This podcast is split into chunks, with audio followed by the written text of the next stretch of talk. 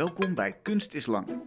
Een podcast van kunstmagazine Mr. Motley en mijzelf, Luc Hezen. Dag, leuk dat je luistert. Mijn gast van vandaag is Janne Schimmel. Hij maakt sculpturen om spelcomputers heen. Denk aan een oude Game Boy geplaatst op een sokkel met parmantige plantenvoeten.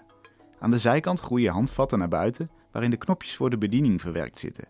In het midden vind je het beeldscherm van de Game Boy, waar Janne zelf een spel voor heeft geprogrammeerd. Ook maakte hij het werk Cedars and Leechers, dat als een web aan de muur hangt. Het bevat de onderdelen die normaal gesproken de binnenkant van een spelcomputer vormen, maar nu uit elkaar zijn geplaatst. Onder meer een grafische kaart, ventilatoren en boxjes zijn verbonden door een grillig skelet van aluminium, tin en keramiek. Verneinige nageltjes klemmen een beeldscherm vast waarop je kunt rondkijken in een 3D-landschap. Ook in het sculptuur The Bottle as Hero zien we het binnenwerk van een computer.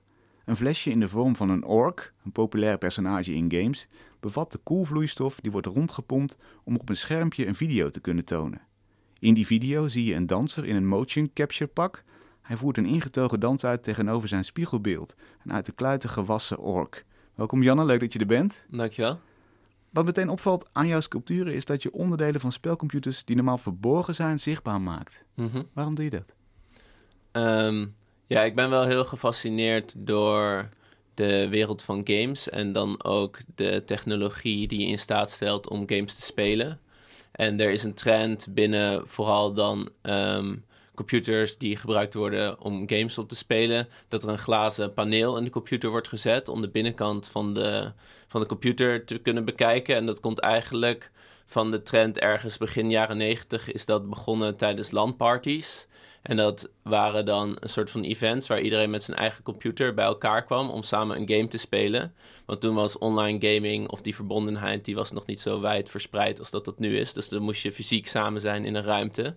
En ja, mensen die kwamen, die wouden laten zien hoe uh, goed hun computer was eigenlijk. En dat ze de beste hardware hadden. Dus die begonnen toen die computerkasten zelf al open te maken. Zodat de andere gamers konden zien wat voor hardware ze bij zich hadden, zeg maar. En die trend, uh, ja, die is toen op een gegeven moment opgepikt door de industrie. En dat wordt nu nog steeds gebruikt om te kunnen te laten zien, die glazen wand, zeg maar, wat voor hardware je in je computer hebt. Dat vind ik een hele interessante trend. En daar tegenover heb je natuurlijk de laptops, de MacBooks, de iPhones die helemaal dichtgeplakt worden en waarbij je helemaal niet ziet wat daar aanwezig is uh, in, ja, in je elektronische apparaten. Dus ik vind het interessant om dan te laten zien, ja, de binnenkant van die apparaten te laten zien. En, uh... daarmee kies je dus eigenlijk de kant van de landparties eigenlijk. Ja, precies. Waarom is dat zo interessant? Want ja, ik vind het eigenlijk ook heel fijn als ik mijn MacBook heb dat hij gewoon lekker dicht zit. Tuurlijk, als hij kapot gaat is het vervelend, want dan, dan kun je ook niks. Ja. Maar ja, ik denk ook, ja, het zal allemaal wel. Als het werkt is het prima. Ik hoef het niet te zien eigenlijk. Ja, dat is natuurlijk wat je zelf al zegt. Eén kant ervan, als het kapot gaat, dan kan je er niks meer mee. En dat is ook um, ja, expres door de industrie zo gemaakt dat je niet meer bij je eigen hardware kan en dat je het niet meer zelf kan repareren. Je hebt dan ook de right to repair movement. En die um, pleiten ervoor dat iedere gebruiker gewoon met een paar uh, ja, tools die iedereen heeft, zijn computer in kan en daar dingen kan vervangen. Um, Zodat je niet afhankelijk bent van een dienst die je moet betalen om het weer te laten repareren. Ja, of nog, meestal als je hem dan stuurt naar die dienst, dan zeggen ze: Oh, het is zo duur om te vervangen, je kan beter een nieuwe kopen. En ja, in het Engels noemen ze dat plant material obsolescence. Dus ze, zor ja, ze ontwerpen het zo dat je zoveel mogelijk nieuwe computers moet kopen en zoveel mogelijk dingen weg moet gooien. Um, ja, en daarom probeer ik ook in mijn sculpturen soms dan oude hardware te gebruiken. omdat ik denk dat je ja, niet de nieuwste technologie nodig hebt om een interessant verhaal te vertellen. Ja, en je wilt dus ook met de neus op die technologie drukken dus? Ja. Zo ziet het eruit, zo werkt het. Ja, ja. Tegelijkertijd zit er een heel mooi skelet omheen. Er is een hele wereld aan toegevoegd eigenlijk. Ja. Wat voor beeld wil je daarmee maken? Wat voor uiterlijk, wat streef je na? Ja, ik ben ook wel best wel gefascineerd door de wereld um, die, um, die, de werelden die bestaan in videogames zelf. Want we hadden het net al eventjes over de hardware die dan in die computer aanwezig is. Bijvoorbeeld van een gamer. En als je kijkt naar de typische kamer van een gamer, dan zie je heel veel LED-verlichting. Je ziet, uh, ja, het is heel erg gestroomlijnd. En, um, zwarte bureaustoel. Ja, zwarte bureaustoel. En er is niet veel frivoliteit aanwezig. Maar als je dan kijkt naar de wereld van games, bijvoorbeeld World of Warcraft of uh, andere fantasy games, dan is daar juist heel veel versiering en spirituele elementen aanwezig. Dus er is daar blijkbaar toch een soort van behoefte in om je in zo'n wereld onder te dompelen. Een wereld die eigenlijk veel vriendelijker is dan de wereld, of tenminste hoe technologie zichzelf portretteert. Dus ik vind het interessant om die aspecten dan uit de wereld van de games te halen en dan ook te verwerken in de technologie die je in staat stelt om te verbinden met die werelden. Wat zegt dat eigenlijk, dat die ornamenten pas beginnen zodra je het, waar het beeldscherm induikt, dus niet in de echte wereld? Wat, wat, denk je dat dat zegt over onze tijd?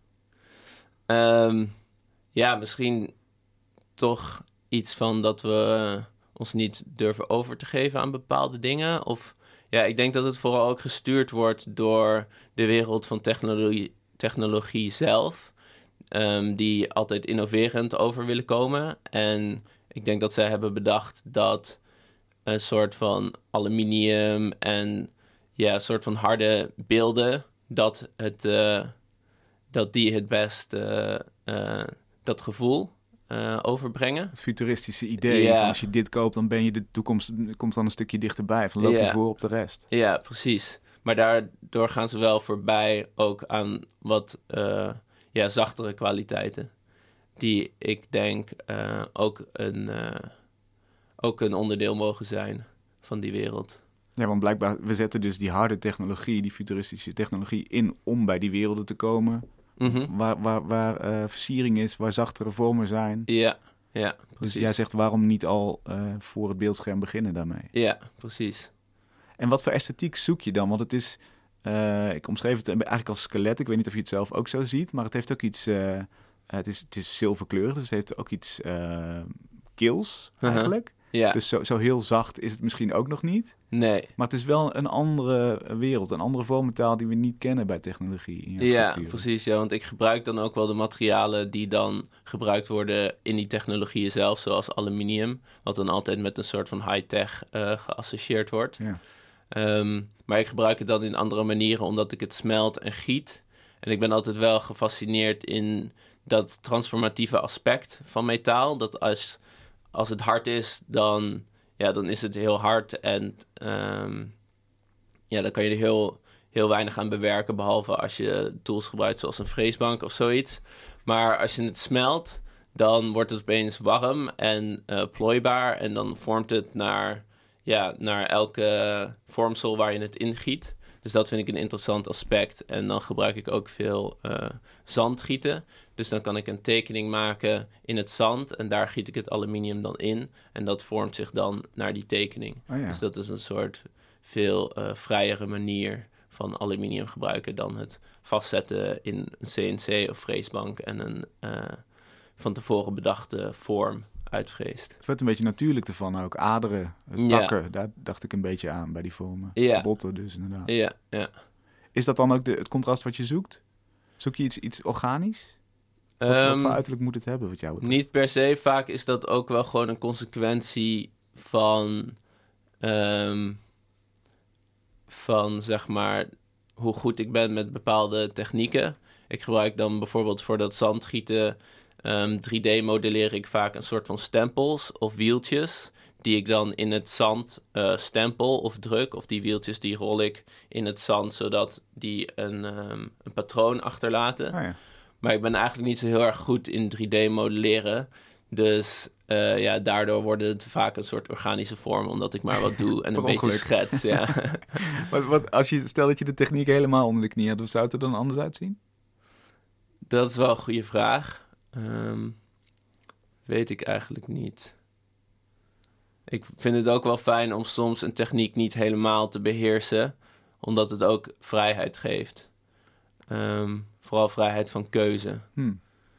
Andere keren vind ik het juist heel fijn om heel diep in een techniek uh, te schieten. Maar dan loop ik er ook wel eens tegenaan dat ik er dan zo goed in ben dat het lijn bijna weer lijkt alsof ik het onderdeel gewoon uit de winkel heb gekocht. Ja.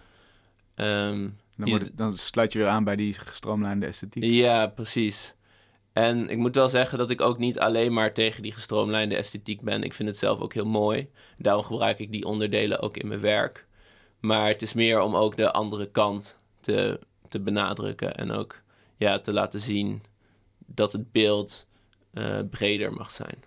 Inhoudelijk gezien, uh, in de spellen die je speelt en de spelcomputers die je kiest, ga je eigenlijk ook terug in de tijd. Wijk je eigenlijk ook af van het idee van technologie gaat alleen maar mm geavanceerder zijn. Yeah. Je gaat gewoon terug naar een oude Game Boy waar je zelf een spel op programmeert. Hoe, hoe doe je dat precies en waarom zo oud? Um, ja, ik had het er net ook al over dat um, die plant material obsolescence, zeg maar de computer- en de gaming-industrie wil steeds dat je een nieuwe computer koopt, omdat ze je beloven dat de graphics beter zijn, dat je meer frames per second, de FPS, dat is dan een, een belangrijke term in gamen, dat is hoeveel beeldjes er per seconde op je beeldscherm verschijnen. En dat uh, heeft dan invloed op hoe vloeiend uh, het beeld lijkt. Daar zijn gamers dan heel erg op gefocust. Daar heb je de nieuwste hardware voor nodig. Dus Um, ja, dat beloven ze allemaal omdat ze gewoon willen dat je je oude hardware aan de kant zet of weggooit en weer nieuwe dingen koopt. Want ja, zo werkt uh, uh, die industrie nu eenmaal. Maar um, je hebt tegenwoordig ook veel bewegingen, dat heet dan de homebrew communities. En die beginnen eigenlijk weer oude spellen te maken voor nieuwe consoles. Dus er zijn hobbyisten of kleine game developers die dan echt weer bijvoorbeeld op een Game Boy cartridge nu uh, in 2023 uitbrengen, die je dan kan kopen en dan op je Game Boy kan spelen.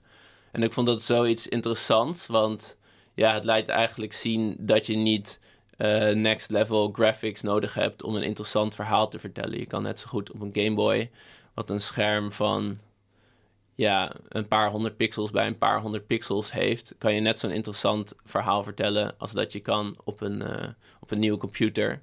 En tegelijkertijd laat het zien dat ja, um, alle hardware om ons heen, dat we daar nog heel erg veel mee kunnen. En dat we niet, uh, ja, dat we niet per se alleen maar nieuwe dingen moeten produceren. Hmm. Wat, voor, wat voor verhaal vertel je daarop in zo'n spelletje? Hoe, hoe, hoe werkt het? Um, ja, op een van mijn werken, Case Mod uh, 2, heb ik een game gemaakt dat gaat over een persoon die door het park wandelt. En dat is dan ook gelijk het hele spel. Dus als je aan het einde van het park komt, dan word je weer teruggeflitst naar het begin uh, van het park. Mm. Um, een soort van endless runner eigenlijk. Dat is dan een genre binnen mobile games, waarbij je een, een persoon hebt die eindeloos rent en dan komen dan monsters achter hem aan en dan moet je duiken over bepaalde obstakels of springen over bepaalde obstakels. Maar mijn persoon die loopt heel kalm en uh, er is een muziekje op de achtergrond en er achtervolgt uh, niemand achtervolgt je. Dus je kan het gewoon op je eigen tempo zonder doel uh, spelen. Mm. En dan waren er drie verschillende cartridges. Um, op één kon je dan s'nachts de boswandeling maken, op eentje smiddags en op eentje s ochtends. En die cartridges kon je dan uit de Game Boy halen en uh, de nieuwe erin steken. Wat ook heel erg een statement is, maar bijna tegen, tegen alle actie of zo. Tegen alle, ja... Ja. Uh, competitie misschien wel.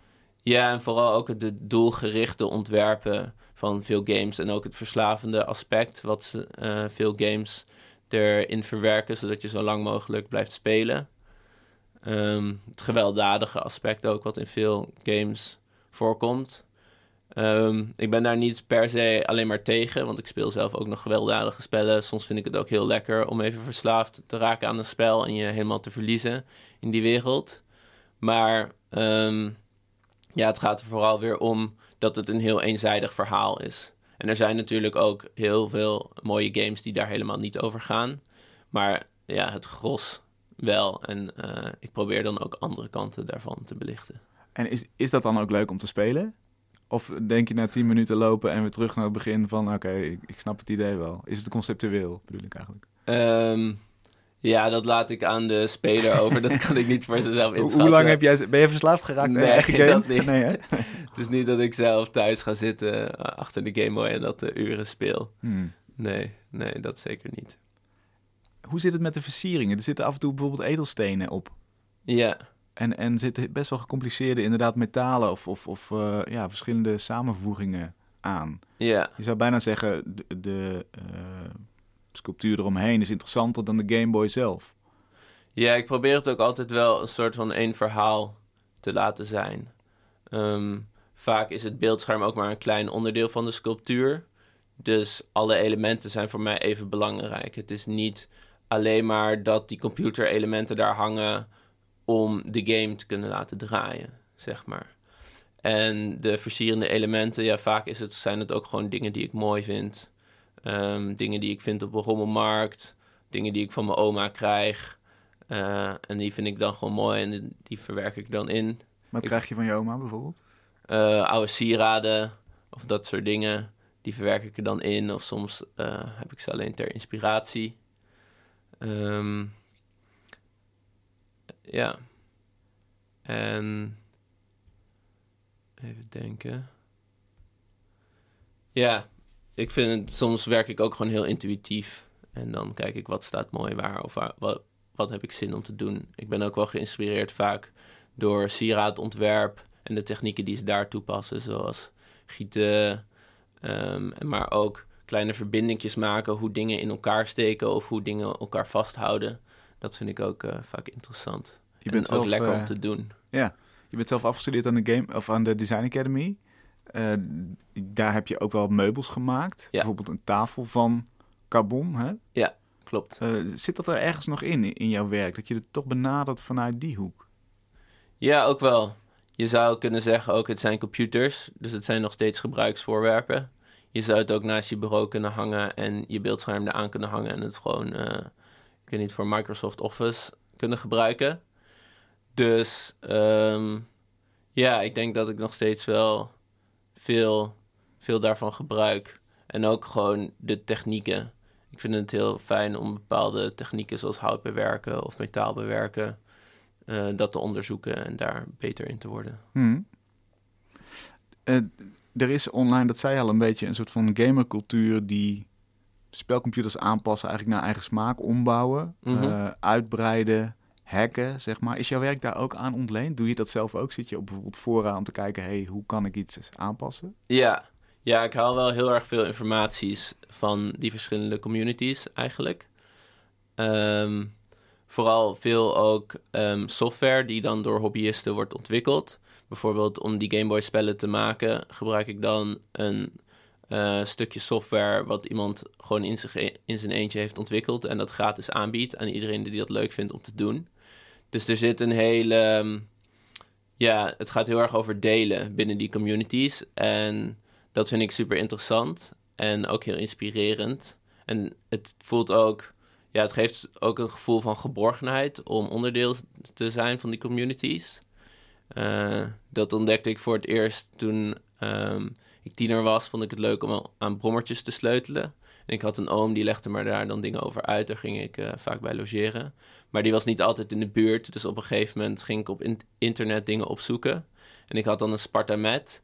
Dat is een soort van... Um, ja, de e-bike van vroeger, zeg maar. Het is een soort oma-fiets met daar achterop een klein motortje daar vond ik het dan leuk om aan te sleutelen en proberen die zo hard mogelijk te laten gaan.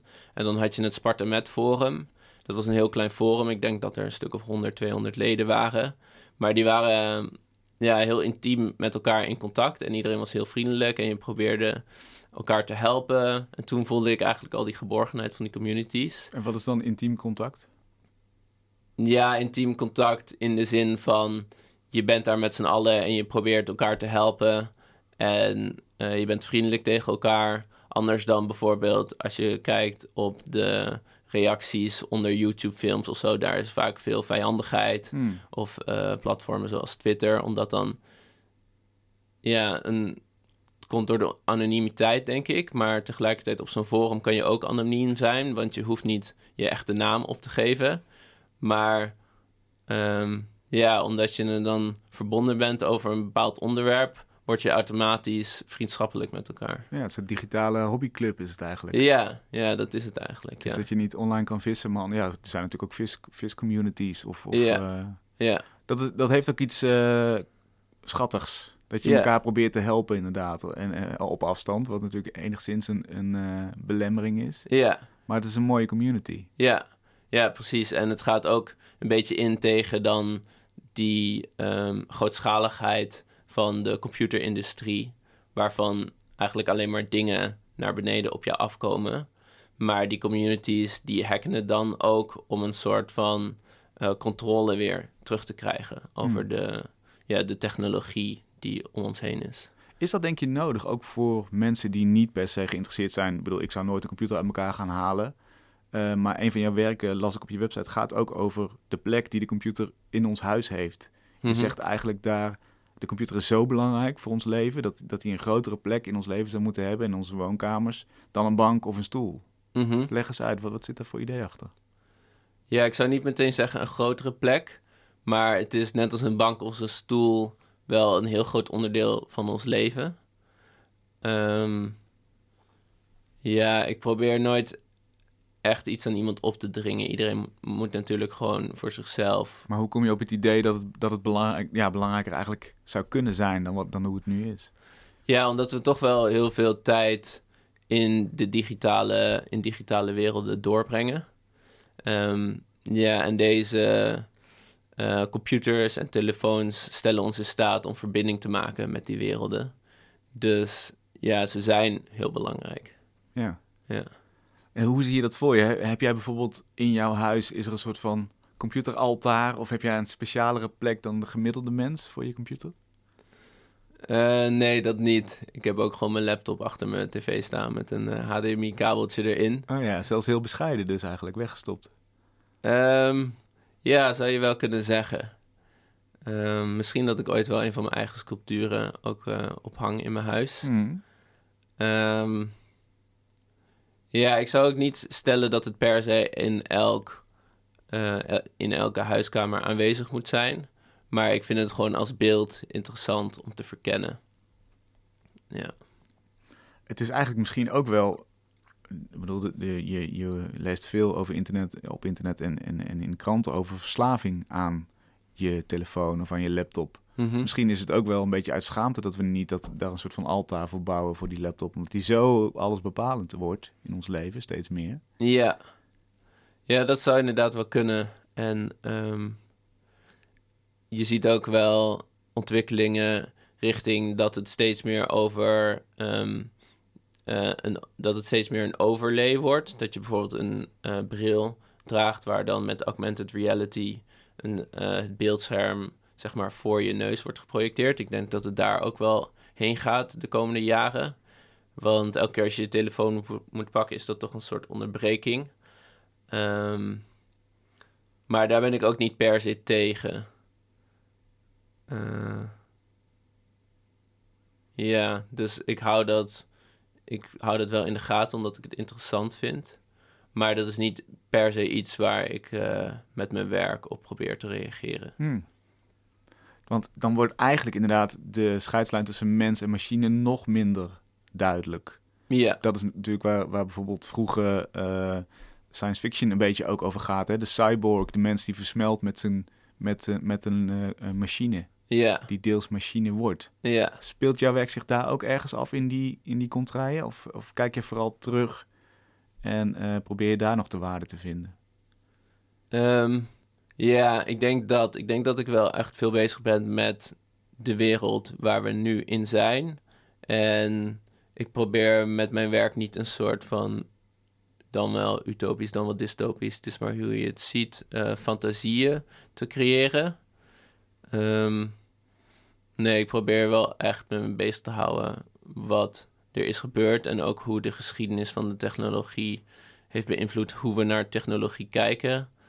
Um, dan vooral uh, gefocust op hoe verschillende technologieën uh, hebben toegelaten wat voor games er gemaakt worden. Um, op een gegeven moment kon je 3D-games maken, daarvoor kon je 2D-games maken. Um, ja, dat soort dingen vind ik interessant om te onderzoeken. En dan zeg je eigenlijk, tenminste dat zei je aan het begin van de uitzending, je kunt op 100 bij 100 pixels kun je net zo, zo interessant verhalen vertellen als in 3D waar we nu zitten. Ja. Wat is dan de, de vooruitgang die daarin zit? Ben je daar kritisch over? Zeg je van ja, dat, dat, is, dat is echt op, door kapitalistische motieven gedreven? Um, ja en nee.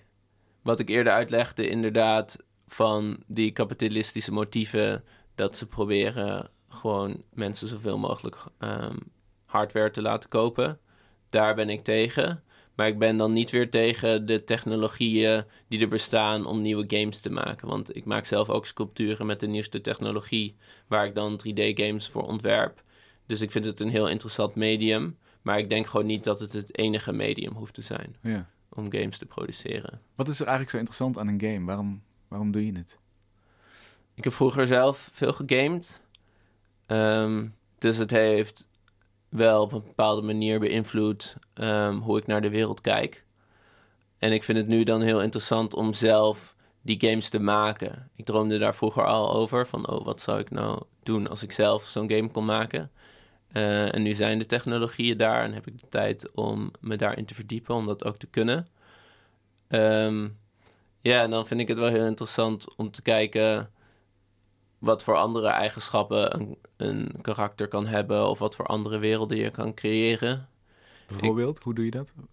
Ja, voor mijn werk ehm Fantasmic, Gateways en their housings was ik bezig een game te maken. En toen had ik een 3D-model ehm, gedownload en die heette Demon Screamer. Dus dat was eigenlijk een, ehm, ja, een persoon, een soort demonisch persoon met groene huid en horentjes. En eh, die had ik dan, dat die 3D-model had ik gekocht, dus iemand had dat eh, ontworpen. En dat kan je dan kopen om zelf in je game te gebruiken. Ehm, en die had ik toen in een IKEA-huiskamer gezet. En je moet dan ehm, bewegingen toepassen op dat karakter. En die kan je ook weer downloaden. Dus ik had een set bewegingen gedownload, die heette Sad Walk. Dus eh, verdrietig wandelen. En die had ik toen toegepast op die demon. En toen ging ik dat proberen, ging ik daarmee spelen.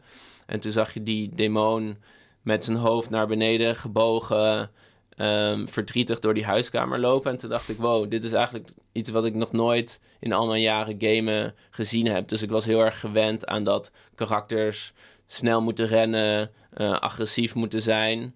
Een heel gelimiteerd palet van emoties hebben eigenlijk. Ehm, en ik vond het verbazingwekkend dat, dat ik dat zo verbazingwekkend vond om dit beeld te zien.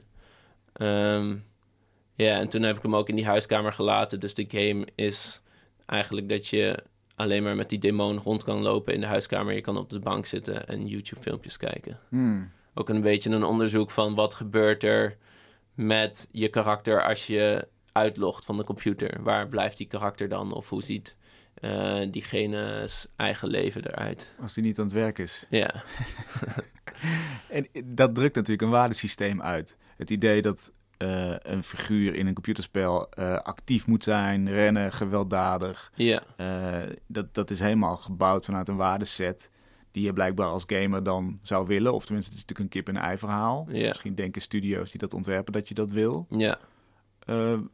Je zei even ook tussen neus en lippen door, dat heeft mij beïnvloed het spelen van die games. Hoe? En, en hoe zou een andere game jongeren van nu op een andere manier kunnen beïnvloeden, denk je? Ehm, ja, dat is een goede vraag. Soms denk ik daar zelf ook wel eens over na. Want ja, vroeger dan veel, speelde ik veel gewelddadige spellen. En dan was er natuurlijk veel in het nieuws van... Oh, GTA 5, eh, het verpest de jeugd. Daar geloof ik dan ook weer niet in. Nee, schijnt wel mee te vallen. hè? ja, schijnt wel mee te vallen. Inderdaad, zelf eh, ben ik er in ieder geval niet gewelddadig van geworden. Maar ja, het, het geeft toch een bepaald beeld van wat een game karakter kan zijn. En daardoor, nu verandert dat, omdat ik er zelf mee bezig ben. Maar heb ik denk ik wel een soort van platte, ehm, platte indruk gekregen van die digitale wereld. Wat zonde is, omdat het veel meer kan zijn dan dat. Maar ik kan me voorstellen, als je wil gamen en je wil schieten, dan wil je even gewoon hè, die adrenaline voelen. Dan wil je, kom je thuis van school en dan wil je gewoon even afreageren of zo. Ja. Maar een, een- wezentje eh, droevig door de IKEA laten lopen, wat, wat, wat heb je daaraan in het echte leven? Snap je? Wat, welke, welke gaten vul je daarmee op? Ja. Ja, dat is ook wat verschil dat ik geen commerciële games maak. Dus Ja. ik verwacht niet dat iemand eh, er 60 euro voor betaalt en dat dan eh, op zijn Xbox One thuis na het werk gaat spelen. Nee. Maar ik probeer gewoon dat beeld in de wereld te zetten. Mhm. Ehm, ja, en het is ook onderdeel van de sculptuur. Dus het is ook niet het hele verhaal wat ik probeer te vertellen. Nee. Maar je zou kunnen zeggen, daarmee spiegel je eh, misschien spiegel je sowieso wel de echte wereld in een gamewereld, maar dan keer tien. Hè? Dus je, Mhm. iedereen wil wel dapper zijn en actief en, eh, en eens een keer eh, lekker schieten. Ja, Eh, het zou misschien kunnen helpen met andere emoties die, die, die niet dat karakter hebben, om die ook in een game te hebben. Om daarmee te, te- om die te verkennen of zo. ja, Eh, Droevigheid of, of verdriet of angst of dat soort dingen. ja, ja, precies. Zou dat, zou dat voor jou zo werken? Heb je games wel eens gespeeld waarvan je denkt, ja, dit, is, dit wijkt af van het stereotype agressieve game character. Ja, En dit, hier heb ik iets aan. Ja, gelukkig zijn er wel heel veel van dat soort spellen. Ik speel zelf dan veel indie games. Die worden dan gemaakt door independent developers. Dus dat zijn vaak budgetten die, of eh, games die worden ontwikkeld met kleinere budgetten. Een heel leuk spel, dat is eh, Undertale. En het is een RPG, dus een role-playing game. Ehm, gelijk zoiets aan als eh, Pokémon bijvoorbeeld. Alleen het verschil is, elk eh, monster dat je tegenkomt, kan je tegen vechten. Maar je kan ook kiezen, ervoor kiezen om met ze te praten. En dan kan je er ook uitkomen. Dus je kan het hele Hmm. spel uitspelen zonder één keer te hoeven vechten tegen de monster. En dat vond ik wel ja, een hele leuke game mechanic. Die reageert ehm, ja, op de standaard die wordt gezet in- binnen RPG's. En dan op een leuke manier daar een alternatief voor verzint. Ja, een soort oefening in empathie eigenlijk. Ja, ja, precies. En natuurlijk van oudsher bestaan er ook wel veel van die games, zoals bijvoorbeeld The Sims. Ehm, ja, waar ook geen agressie in voorkomt. Ja. Het is er wel. Ehm, Geloof je daarin, in die één op één band tussen de echte wereld en een digitale wereld? Voel, eh, komt het zo dichtbij dat je, ja, dat je jouw persoonlijkheid als het ware traint online? Of is dat te overdreven? Ehm, ja, ik denk dat er wel veel verschillende personen kunnen zijn op het internet. En ja, het is een enorm onderdeel van mijn leven en van heel veel mensen tegenwoordig natuurlijk. Alleen al door het feit van e-mail, WhatsApp, eh, social media. Mhm. Ehm, ja, maar er zit ook een hele bevrijdende kant aan, denk ik. Ik hou me niet heel veel bezig met de verslavende kant, ook al ben ik misschien zelf ook wel verslaafd aan mijn telefoon. Eh, dat probeer ik dan ook wel in de gaten te houden.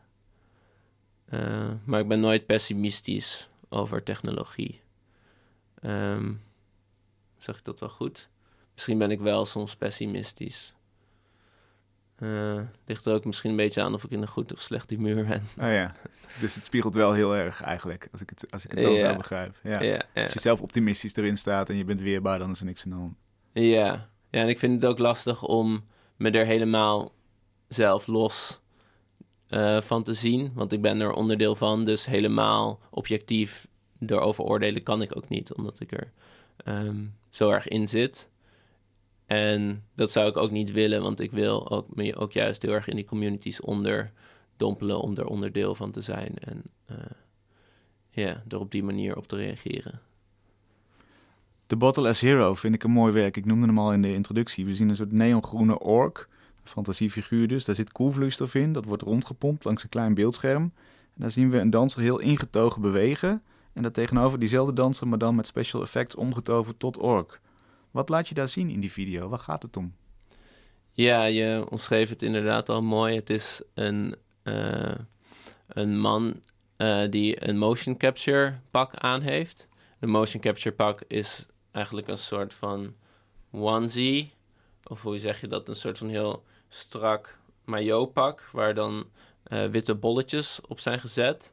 En als je dat filmt, dan kan de computer analyseren waar die witte bolletjes zijn. Ehm, en daarmee kan die je bewegingen opnemen. En die bewegingen kunnen dan later weer geprojecteerd worden op een ander 3D-model. Zoals bijvoorbeeld een monster.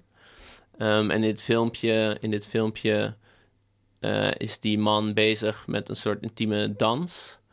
Eh, en dan heb ik dezelfde bewegingen op een monster geprojecteerd. Dus hij danst eigenlijk met zijn eigen projectie. Ehm, ja, en ik vond dat wel een mooie visualisatie van de echte wereld en de digitale wereld en hoe die samenkomen. Ja, wat ik heel mooi vind is dat het inderdaad zo ingetogen is. Dus je, je kunt, je- dat, is, dat is inderdaad, daarmee besef je, dit zien we dus nooit op dit soort beeldschermen. Iets wat kwetsbaar is, wat helemaal niet eh, eh, eh, schreeuwt, wat, wat niet, niet uitgesproken is. Het is gewoon een, een moderne dans eigenlijk. ja. Ja, want het spectrum van de menselijke emotie is natuurlijk erg breed. Maar het spectrum van de emoties van veel game-archetypes is heel uh, vlak. Dus daar probeer ik mee te spelen ook om, ja, om die, de volle breedte van die emoties dan ook door te laten werken in die digitale wereld. En daarmee verander je eigenlijk de esthetiek van computers naar iets wat, wat zachter is, wat, wat meer gedecoreerd is, wat rijker is. Um, maar je werkt eigenlijk ook wel de omgekeerde kant op, heb ik het idee. Voor het werk Many Little Hugs heb je zo'n driehoekig figuur gemaakt van tin. Er zitten een aantal stenen ingeklemd met hele venijnige zilverkleurige nagels. Uh, en dat zijn dan stenen die je van je oma hebt gekregen. Dat, de Little Hugs staan best wel in contrast met die scherpe nagels en dat aluminium frame yeah. waar het in zit. Ja, dat klopt. Het zijn, dat is dan weer een soort afgeleide van uh, sieradenontwerp. Waar je dan, uh, ik vergeet hoe je het in het Nederlands zegt, maar in het Engels van die bronze hebt. Die de, die de steen, vaak dan een edelsteen, vasthouden. Um, maar in dit geval waren het steentjes van het grindpad van mijn oma. Want zij moest verhuizen van de boerderij in Friesland. Uh, en toen als aandenken had ik een aantal steentjes van haar grindpad meegenomen. En um, daar dan een gietsel omheen uh, gemaakt. Als cadeau voor haar, als aandenken voor de boerderij. Mm. Um, en toen later ben ik dat verder gaan ontwikkelen. Ook omdat ik het proces heel fijn vind. Dus ik heb uh, oliegebonden zand. Dat gebruik je voor metaalgieten. Um, en daar druk ik die steentjes dan in. En dan heb ik een 3D geprint haakje. Waar ik dan um, mee in het zand prik om die steentjes heen. En dat is een heel lekker uh, gevoel om te doen. Het voelt bijna een beetje als spelen in de zandbak mm. van vroeger. Um, dus daar gaat het ook wel over. Veel processen die ik gebruik, gebruik ik ook vaak omdat ik het lekker vind om te doen of omdat het uh, ontspannend is. En het resultaat, want dat is natuurlijk het enige wat ik zie als kijker. Uh, uh, many Little Hugs, die dan die eigenlijk als een soort van greep aanvoelen. Dus het, het, er zit een soort kilheid in. Ja, ja, ik denk dat die kilheid kan verwijzen naar de afstandelijkheid van het materiaal. In dit geval metaal. Heeft toch wel vaak iets afstandelijks. Maar wat ik eerder ook al zei, als je het begint te gieten, dan heeft het juist weer iets heel meegaans. Uh, ja. Ziet het werk wat je aan je oma hebt gegeven er ook zo uit? Is dat ook van dat, van dat zilverkleurige ja. aluminium? Ja. Hoe, hoe reageerde ze erop? Ja, vond het mooi. Oh ja, ja. Dus ze zag het als een groot sieraad eigenlijk. Ja, ja ik haal ook wel veel inspiratie van mijn oma. Uh, omdat zij draagt altijd heel veel sieraden en ze ziet er altijd heel goed uit. Ze wordt deze zondag 88. Maar elke dag kleedt ze zich nog fantastisch aan. En uh, ja, ze maakt elke dag, geeft ze het leven echt vorm. En uh, zorgt ze dat het leuk is voor zichzelf. Dus ze is wel een grote inspiratie voor mij ook. Hoe gaat jouw werk zich ontwikkelen, denk je? Wat, wat gaat de komende vijf jaar doen? Waar ben je nieuwsgierig naar? Dat is een goede vraag. Uh, ik probeer steeds meer ook uh, in de backend te komen van game uh, ontwikkelen. Echt naar de code proberen te kijken en naar de chips die gebruikt worden op verschillende gamecomputers. Maar dat is allemaal heel ingewikkeld en ik heb daar geen opleiding in. Dus um, dat probeer ik, probeer ik mezelf dan een beetje in te scholen. Waarom? Wat fascineert je eraan? Ja, ik heb het gevoel, hoe dichter je bij de bron komt, hoe beter je iets kan begrijpen. Um, ik gebruik nu dan veel uh, freeware, waar iemand anders een stukje software heeft ontwikkeld, dat mij dan weer in staat stelt om een game te schrijven voor een bepaald apparaat. Daardoor krijg je al een goede indruk van waar een apparaat toe in staat is. Uh, en ik vind het community aspect daaraan heel interessant. Um, maar het lijkt me ook interessant om echt beter de code te kunnen begrijpen. Um, en dan ook op die manier games uh, te kunnen modifieren. Wat ook een grote traditie is al binnen de game design sinds de jaren 90. Dat je een bestaande game pakt en daar je eigen aanpassingen aan toevoegt, zodat het leuker wordt of interessanter. Wat zou je dan als eerste doen, stel dat je dat onder de knie hebt? ja, ik wil sowieso wel een, uh, een Doom modification maken. Doom is eigenlijk het eerste spel in de jaren 90 uh, ontwikkeld door From Software. waarbij ehm, die game modifications eh, populair werden en waarbij de gameontwikkelaar het ook toeliet om die modifications te maken. Dus ik wil sowieso daar nog wel iets mee doen. Het is een first-person shooter. Ook een van de eerste in dat genre überhaupt. Dus ik denk dat ik daar wel uh, ja, iets mee zou willen doen. En, en wat dan? Ja, dat is een goede vraag. dat weet ik nog niet. Dan moet ik echt ermee gaan spelen en kijken hoe het geschreven is en wat je, wat je daarmee kan doen. Want het is een iconisch spel eigenlijk. Ja. Toch? Het is, het is echt een van de eerste grote shooters inderdaad. Ja. Dus het, is, het, is heel, het heeft een hele school gekregen aan, uh, aan, aan, navolging. Ja. Is het dan een beetje zoals je bijvoorbeeld uh, een, een, een Hitchcock zou bewerken of zo? Moeten we het daarmee vergelijken? Dus, dus als we naar een ander medium kijken, of een Van Gogh gaat zitten tweaken of zo, is het een beetje, zit het een beetje daarin? Ja, ja ik denk dat je dat wel kan zeggen. Um, ja, het is, het is wel. Het komt steeds dichter bij de bron, inderdaad, wat ik net al zei.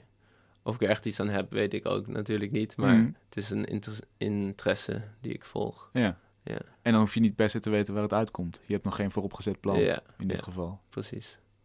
Ga je nog terug naar de meubels, denk je? Kom, zit, zit daar nog een... Uh, want, want we wijken nu eigenlijk van de meubels af. Als ik hier zo wil praten, over broncodes en, en, en, en chips. Ja. Ja, misschien wel. Um, ik heb laatst nog een werk gemaakt voor een tentoonstelling in Berlijn. Um, dat was een reparatie voor een kapotte bureaustoel. Dus degene die die tentoonstelling organiseerde in Berlijn... Uh, had ik gevraagd of hij ergens nog een kapotte stoel had staan. Toen vond hij er eentje op straat voor zijn studio. Ook een echte gamerstoel, hè? Zo'n zo yeah. zwarte bureaustoel met yeah. een hoge leuning. Ja, precies. Um, en toen had ik hem gevraagd om dan een onderdeel naar mij op te sturen. En dat heb ik dan nagemaakt van aluminium uh, met verschillende versieringen daarop. Hij werd naar hem teruggestuurd en dat heeft hij gemonteerd op de stoel. En dat was dan het werk. Dus dat is ook een soort uh, afgeleide wel van uh, meubelontwerp.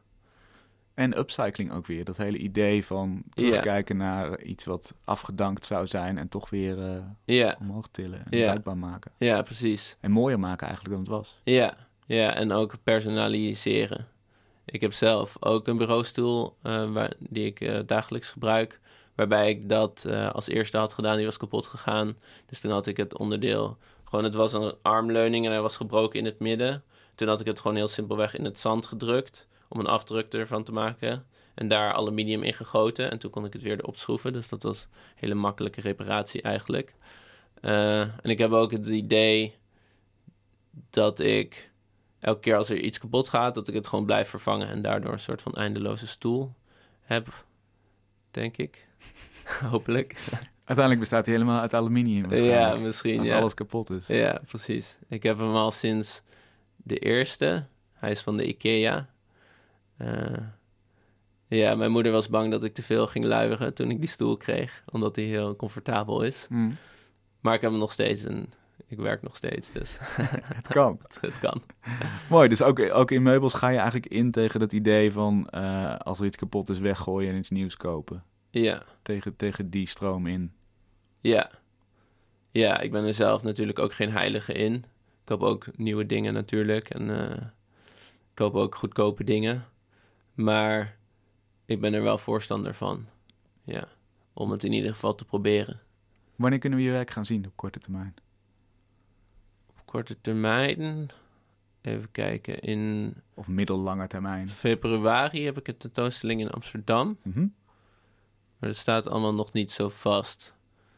Dus, uh, ik zit even te denken of er nog iets anders is. Nee, dat is het, uh, het eerstvolgende. We gaan je gewoon in de gaten houden op Instagram dan. Ja. Dankjewel, leuk dat je er was. Dankjewel. Tot zover Kunst is Lang voor deze week. We zijn er volgende week weer. Graag tot dan.